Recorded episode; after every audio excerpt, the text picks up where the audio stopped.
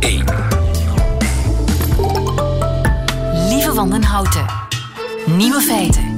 Dag, dit is de podcast van Nieuwe Feiten van dinsdag 27 februari, waarin we het verder niet zullen hebben over de vacature voor geitencoördinator in de Canadese stad Edmonton. Die geitencoördinator, vol tijd overigens, moet testen of geiten ingeschakeld kunnen worden in de strijd tegen schadelijk onkruid in parken en plantsoenen. En moet ook de inwoners van de stad betrekken bij alles wat geit is en openbare meet and bleed evenementen coördineren. Iets voor u solliciteren kan tot en met 1 maart. De andere nieuwe feiten zijn hetero-mannen met een homo-imago schamen zich vaak, minder vrouwen zwanger, dan komt er crisis, het einde van de couscous-discussie en de beste belegging is een oldtimer. Geniet ervan.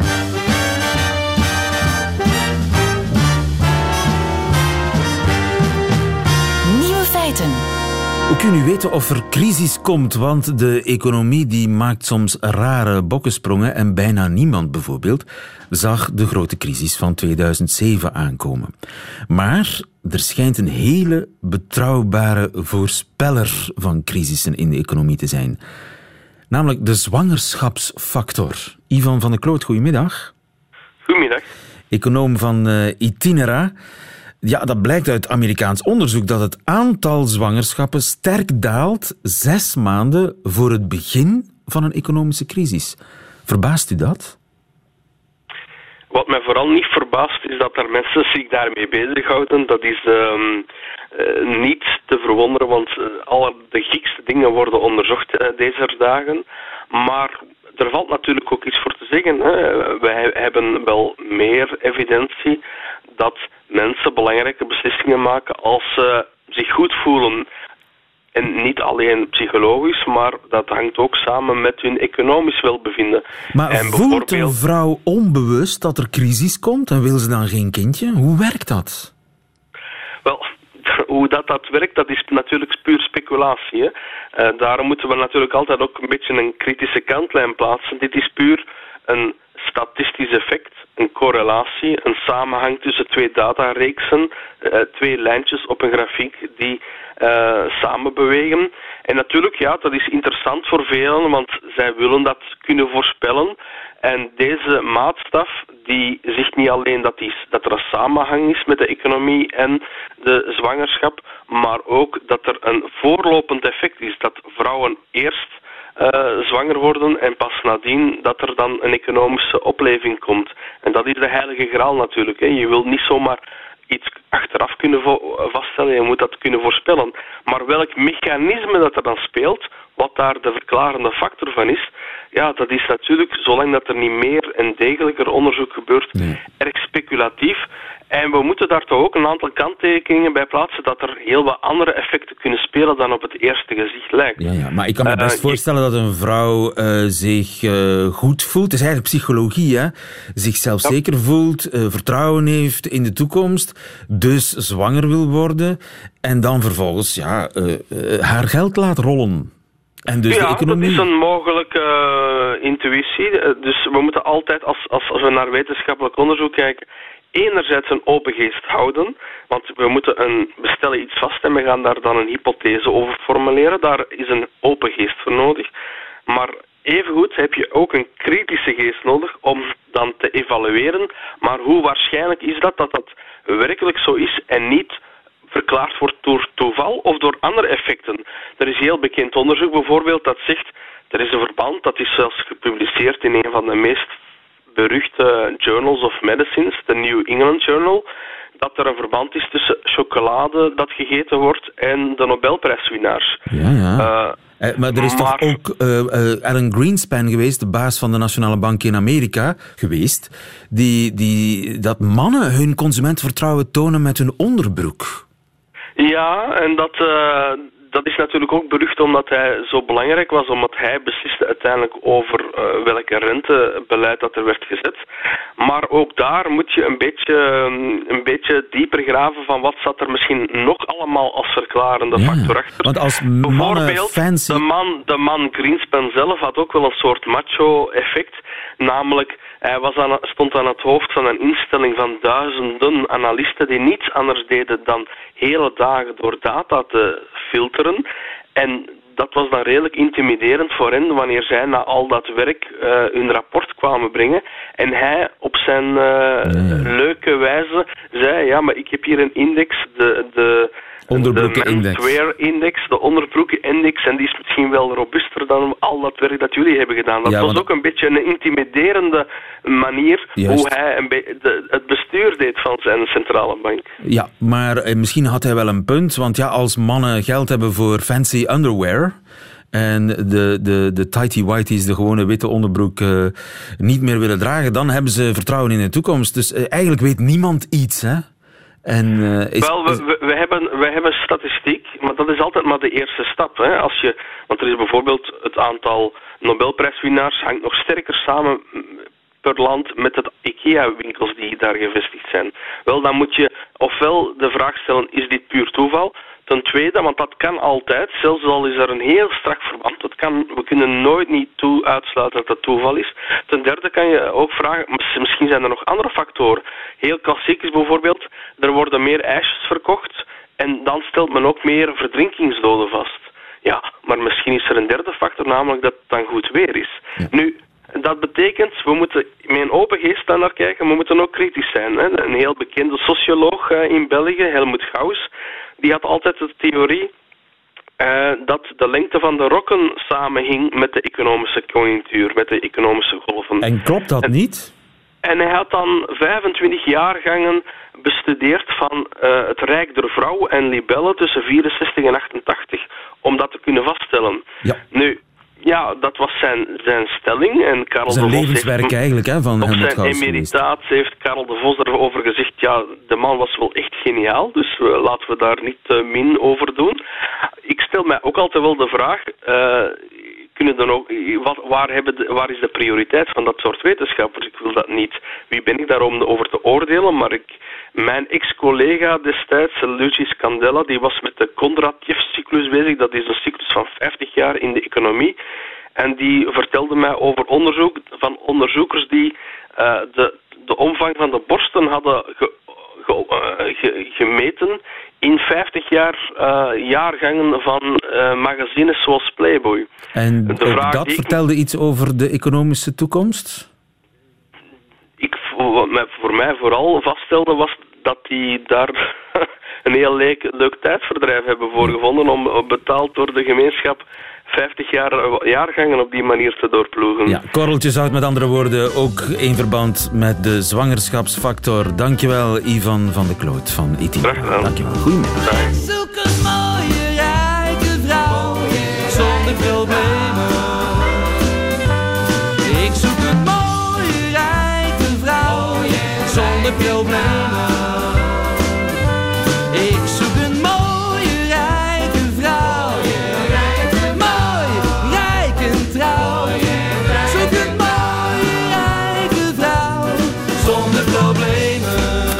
Een lelijke arme vent wil, dat is natuurlijk uh, een andere vraag. De doopgezinde gemeente.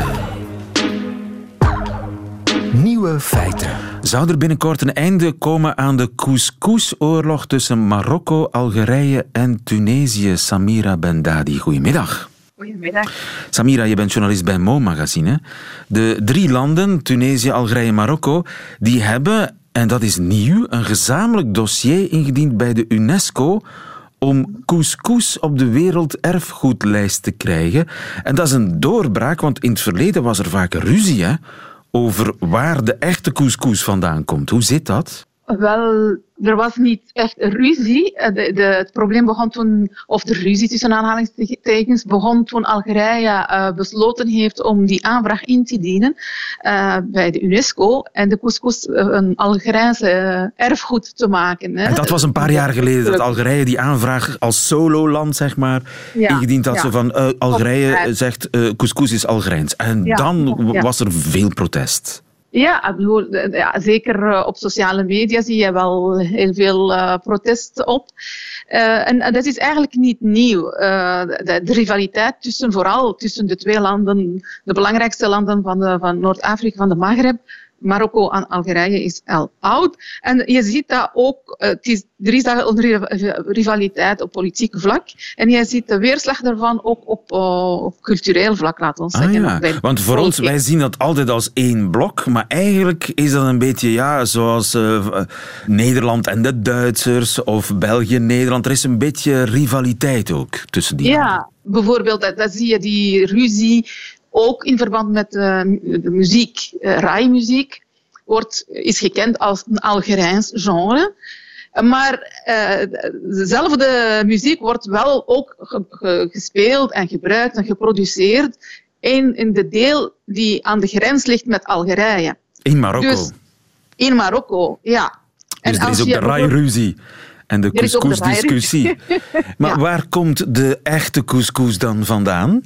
Wel, de couscous, uh, naar uh, wat er nu, uh, naar het schijnt dat dat een heel oude al gebruik is, een Berberse gerecht is. Berbers? Heel lang geweest. Ja, Berbers. Dat zijn de, de, laat ons zeggen, de oorspronkelijke inwoners van Marokko en Algerije, Algerije en heel de Maghreb. Die vindt je ook zelfs in, in Libië en tot in een stukje in Egypte. Dus Noord-Afrika is uh, in zee eigenlijk een uh, Berbers gebied. En de oorspronkelijke cultuur is nog altijd aanwezig. En die couscous is een, dat behoort tot de Berberse cultuur, maar nu Arabisch, Berbers geworden is ondertussen, hè, door de eeuwen heen. Ja, dus eigenlijk is het maar een goede zaak dat uh, de drie landen gezamenlijk een dossier hebben ingediend, want geen van de ja. drie landen kan echt de couscous voilà. claimen. Zijn er grote verschillen trouwens? Is er zoiets als Marokkaanse couscous en Algerijnse, Tunesische couscous? Proef je het verschil? Uh, nee, de, die verschillen zijn zeker niet uh, groot. Dat is, je kunt bijna het verschil uh, niet proeven. Je moet het gewoon, dat hangt een beetje van de persoon die het maakt, maar de, af. Maar de ingrediënten zijn, zijn identiek, zowel in Marokko, in de drie landen. Dat is op basis van semoel, plus groenten en vlees. Nu, Marokko heeft de specificiteit om een, andere couscous te hebben, vooral voor feesten. En dat is met, uh, met, met ajuin en, en uh, rozijnen. En dan heb je in, in Tunesië bijvoorbeeld de couscous die geserveerd wordt met vis of klaargemaakt wordt met vis erbij of erop. En, en dat vind je bijvoorbeeld niet in Marokko. Ja, dat vind je wel in Tunesië. Dus je hebt verschillende variaties in het klaarmaken van de couscous, maar de ingrediënten blijven dezelfde. En ook de gelegenheden uh, wanneer een couscous wordt gemaakt. Dat is natuurlijk in Marokko bijvoorbeeld zijn er gezinnen dat is echt een traditie bij heel veel gezinnen dat elke vrijdag couscous wordt gemaakt. Er wordt ook een beetje een, een tussen aanhalingstekens sacrale karakter gegeven aan de couscous. Want wanneer mensen, bijvoorbeeld bij begrafenissen, is, is er, wordt altijd couscous geserveerd. Ah, ja. okay. Het is een constant. Ja, en ook als almoes, als mensen maaltijden klaarmaken voor uh, behoeftigen bijvoorbeeld of voor kinderen op straat of voor, uh, voor bedelaars, wat dan ook. Of, of, of wanneer jij ook gewoon, een, een, het is geen feest, maar een maaltijd, uh, een, wat in het Arabisch sadaqa heet, gewoon uh, uit, om goed te doen, hè, in een familie uitnodigt en buren, dan maak je couscous. Of geef je dat, breng je dat aan de moskee bijvoorbeeld. Ja, ja. Of aan een begraafplaats. Het sacrale karakter van de couscous, wat een Maghrebijns gerecht is. En dat niet door een één land kan geclaimd worden. Dankjewel, nee. Samira Bendadi van Mo Magazine. Goedemiddag. Ja, dankjewel. Nieuwe feiten. Wat zal ik doen met mijn zuur verdiende spaarcenten? Zal ik misschien beleggen in een oldtimer? Dat schijnt een hele goede belegging te zijn. Gert Baaklands, goedemiddag. Goedemiddag. Hoofdredacteur van De Belegger en auteur van een gloednieuw boek, De Fondsenbijbel. Klopt, uh, nu zaterdag beschikbaar. Over uh, in de krantenwinkel. Wat ik allemaal met mijn spaarcenten kan doen, behalve op een spaarboekje zetten, neem ik aan. Ja, inderdaad. We zijn eigenlijk als Belg financieel analfabeet. Hè. We weten heel weinig over de financiële markten. We hebben van alles op school geleerd. Maar echt wat essentieel is, hoe je je geld moet beheren, ermee omgaan, laat staan beleggen, dat hebben we niet meegekregen op school. Dus dat is toch wel een belangrijke taak die ik mij te harte neem. Ja. Ja. Nu, in Londen hebben ze de opbrengst van beleggingen op lange termijn uh, vergeleken. En dan wel op hele lange termijn. Van het jaar 1900 tot vandaag. Dat mm -hmm. is 118 jaar. Dat is lang. Uh, de beste belegging blijkt nog altijd aandelen. Klopt. Die zijn op 118 jaar 400 keer meer waard geworden, gemiddeld. Pas op, en dan nog reëel, hè? dus rekening houden met inflatie, dus gezuiverd ervan, want Ja, anders had het nog veel geld. meer Ja, ja, ja, geweest. dus natuurlijk. in termen van koopkracht. Koopkracht. Nu, de verzamelobjecten doen het ook heel goed. Eh, beter dan obligaties, verbaast u dat? Niet echt. Een, een, een obligatie, dat is schuldpapier. Hè. Ehm, eigenlijk in de huidige situatie is een lening, Ja. klopt. En als je eigenlijk kijkt naar de huidige situatie, dan word je eigenlijk armer. Hè. De rentes zijn quasi nul. Zelfs al zet je jouw centen vast op, op 10 jaar vast, Ja. dan nog krijg je maar een interestvoet van de Belgische staat van iets van een 0,70, 0,80. Maar de inflatie is rond de 2%. Dus eigenlijk word je armer. Hè? Eh, dus je moet eigenlijk al een redelijk rendement hebben om reëel, hè, in het echt, in termen van koopkracht, vooruit te komen in het leven. Dan, dan zijn verzamelobjecten een beter idee. Antieke boeken bijvoorbeeld. Is dat een goede belegging, antieke boeken? Oh, ik, ik zou daar eh, niet te veel illusies maken over. Het heeft een bepaalde periode dat dat zeer goed was, fantastisch presteren, de prijzen stegen en stegen. Maar als je dat vergelijkt bijvoorbeeld ten opzichte van het jaar 2000, dan is er helemaal geen stijging. Dus het heeft ook wel soms te maken met een soort van hype, het, het trendy zijn, dat op dat bepaald moment iemand ja, eh, historische kunstboeken moet hebben. En kunst? Goh, kunst, je moet eh, toch een beetje afmeten wat de economische waarde, en dat is moeilijk te bepalen, en, en de emotionele waarde. Ik, ik kan me heel goed indenken dat, dat mensen eh, kunnen genieten van een prachtig schilderij. Hè. En het dividend, de return, is dan, laten we zeggen, het dagelijks genot van dat schilderij. En, en Maar als je dat niet hebt, als je het louter als, als Kijk, het zijn, het zijn vooral die, die dure topwerken die altijd maar duurder worden. Eh, er is recent een, een studie geweest, ook er zijn op onze aardbol 16,5 miljoen miljonairs. Dus met een eh, financieel beschikbaar vermogen van meer dan 1 miljoen euro. Ja, als je zoveel geld hebt, dan ga je kijken van waar, waar kunnen we hier nog ons onderscheiden ten opzichte van die andere miljonairs. En dan gebeuren er wel eens eh, gekke aankopen. Onder andere in de kunst, onder andere ook met, met oldtimers en noem maar op. En dan creëer je een vraag.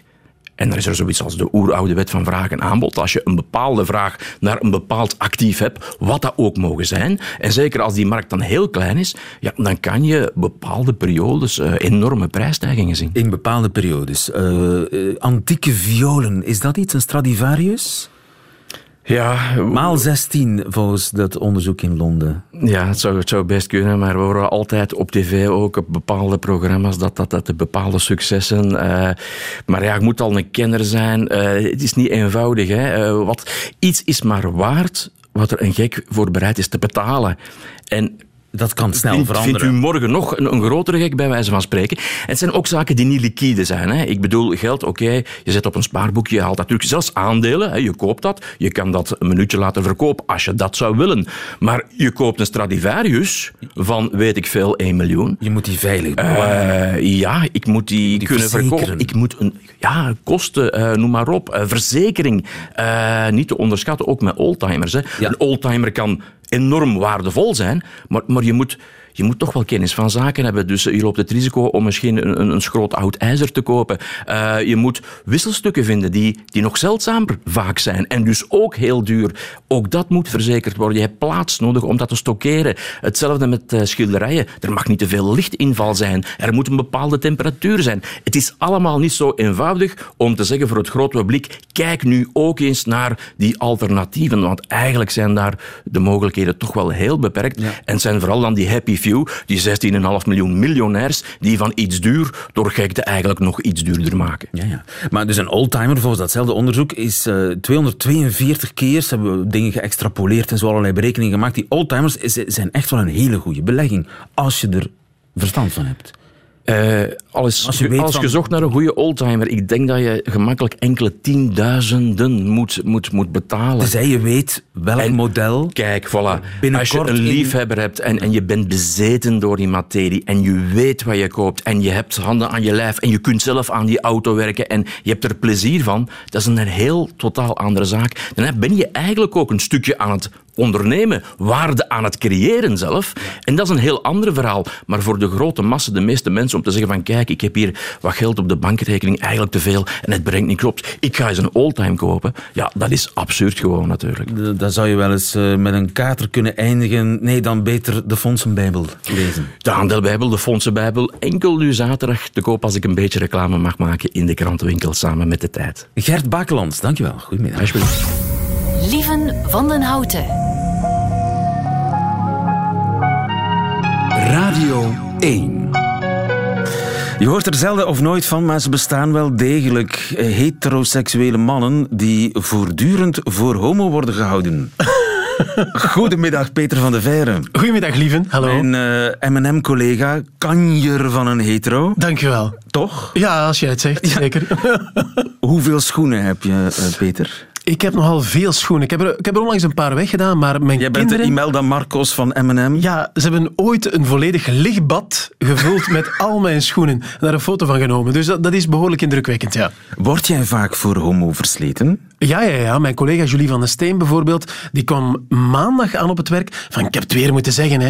Ik zeg, wat heb je weer moeten zeggen? Ja, ze vroegen dus effectief van die van de Ver, dat is toch een homo? Dus ik- ze komen het nooit aan mij vragen, maar ik lees het wel overal. En... Komen het nooit aan jou vragen? Nee, ze hebben nooit gezegd, zeg je toch wel homo? Dat vragen ze eigenlijk bijna nooit. Altijd collega's. Ja, mijn omgeving Via, wordt... eh, via. Die worden geturfd en, en afgetoetst. Maar heb je zelf enig idee hoe dat zou komen?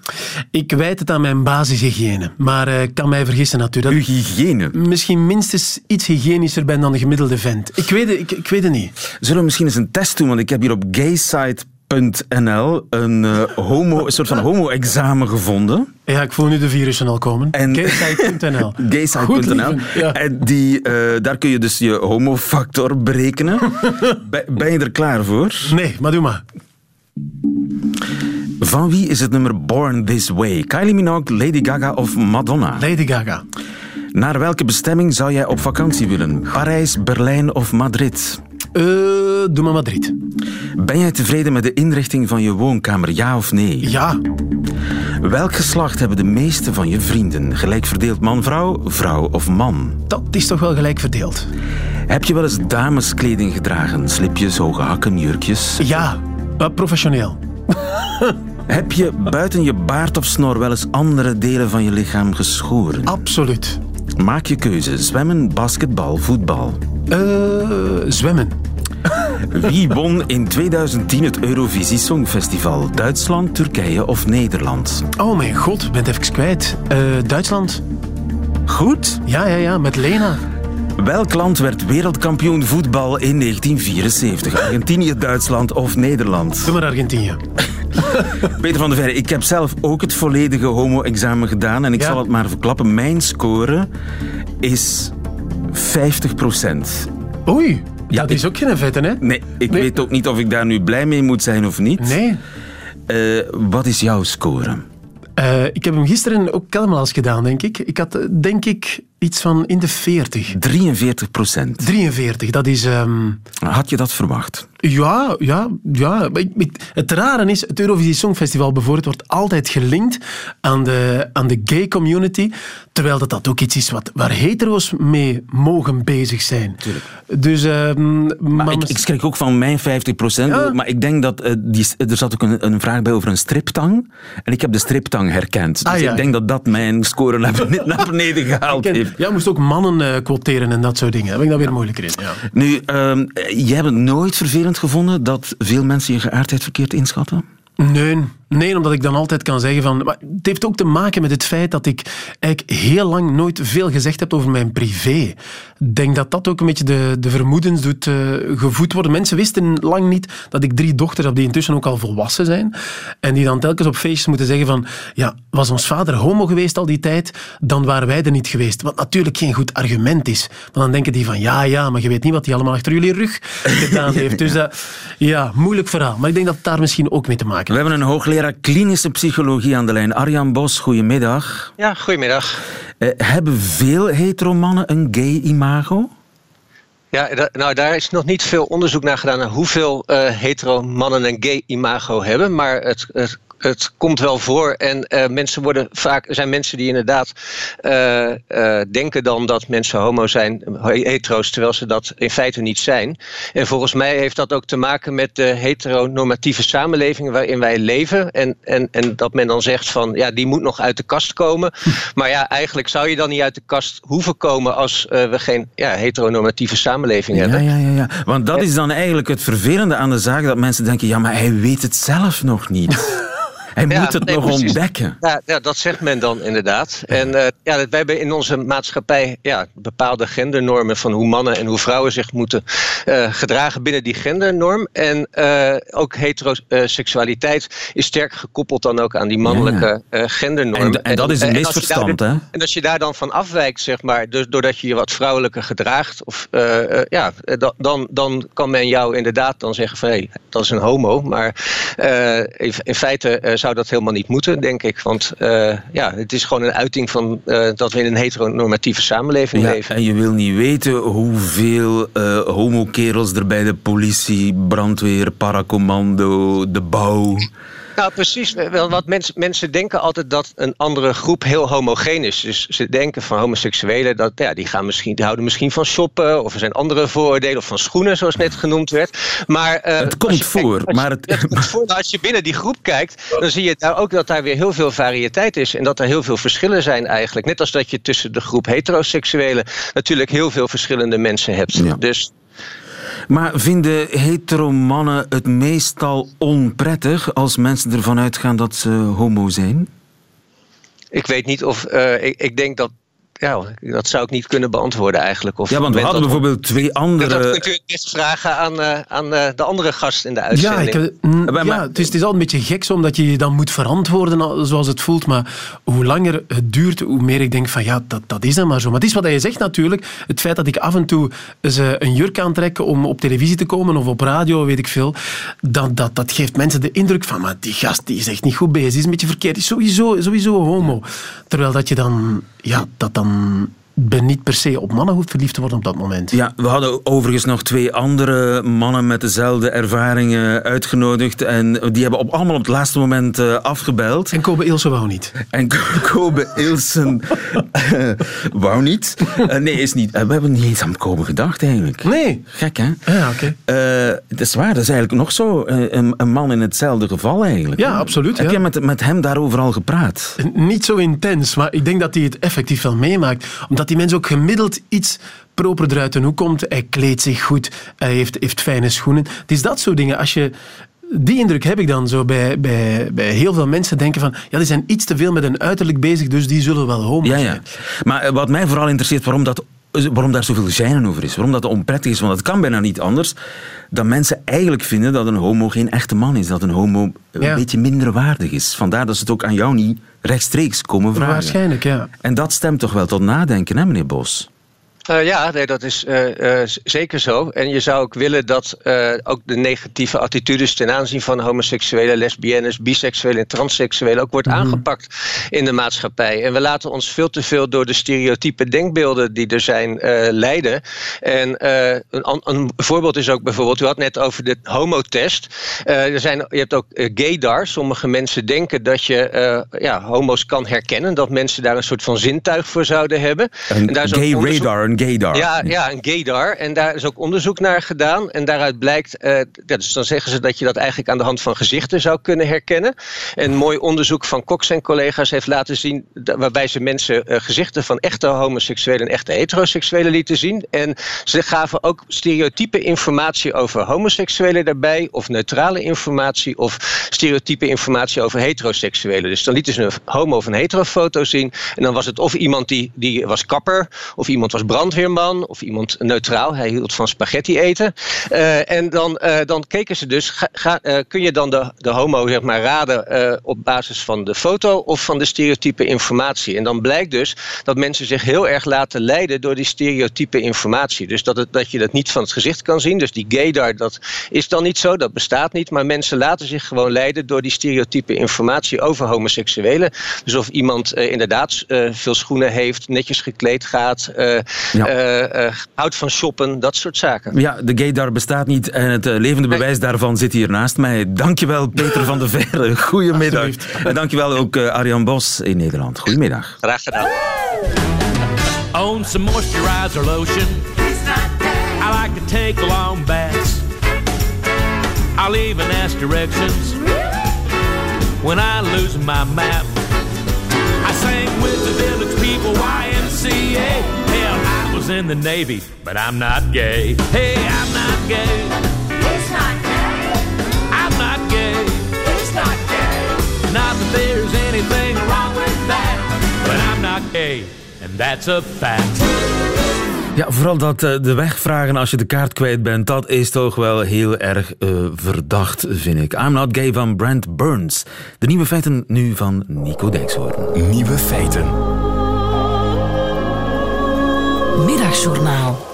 Beste luisteraars, omdat wij elkaar met tussenpozen spreken, wil ik u even bijpraten over wat ik in de tussentijd allemaal aan zinloze voorwerpen heb gekocht.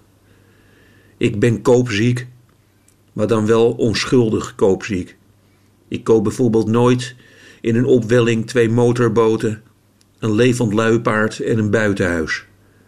Wel koop ik een stenen poes die waf zegt als je op zijn neus drukt.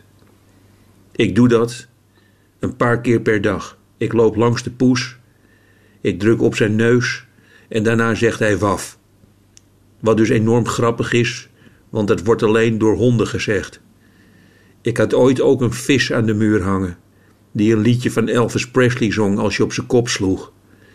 Die heb ik een jaar geleden tijdens een grote actie aan de mensen in Afrika gegeven.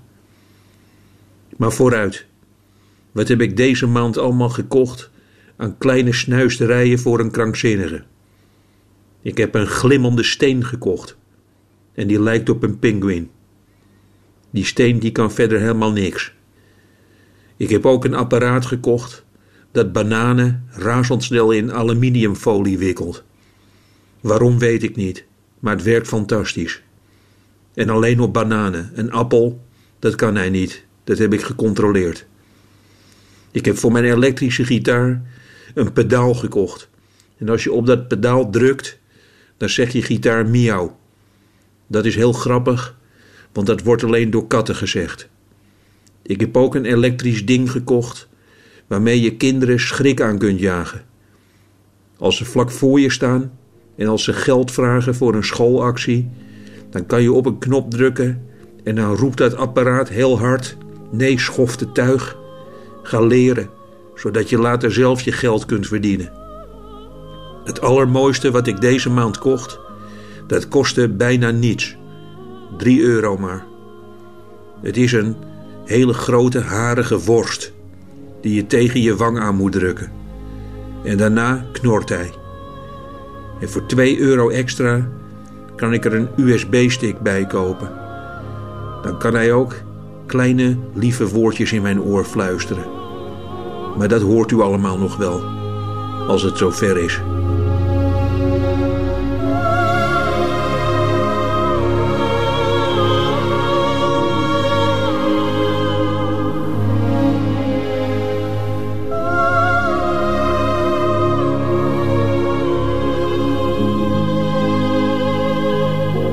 Middagjournaal met Nico Dijkshoorn. U hoorde een podcast van Radio 1. U vindt er veel meer nog op radio1.be of op de gebruikelijke podcastkanalen. Tot nog eens.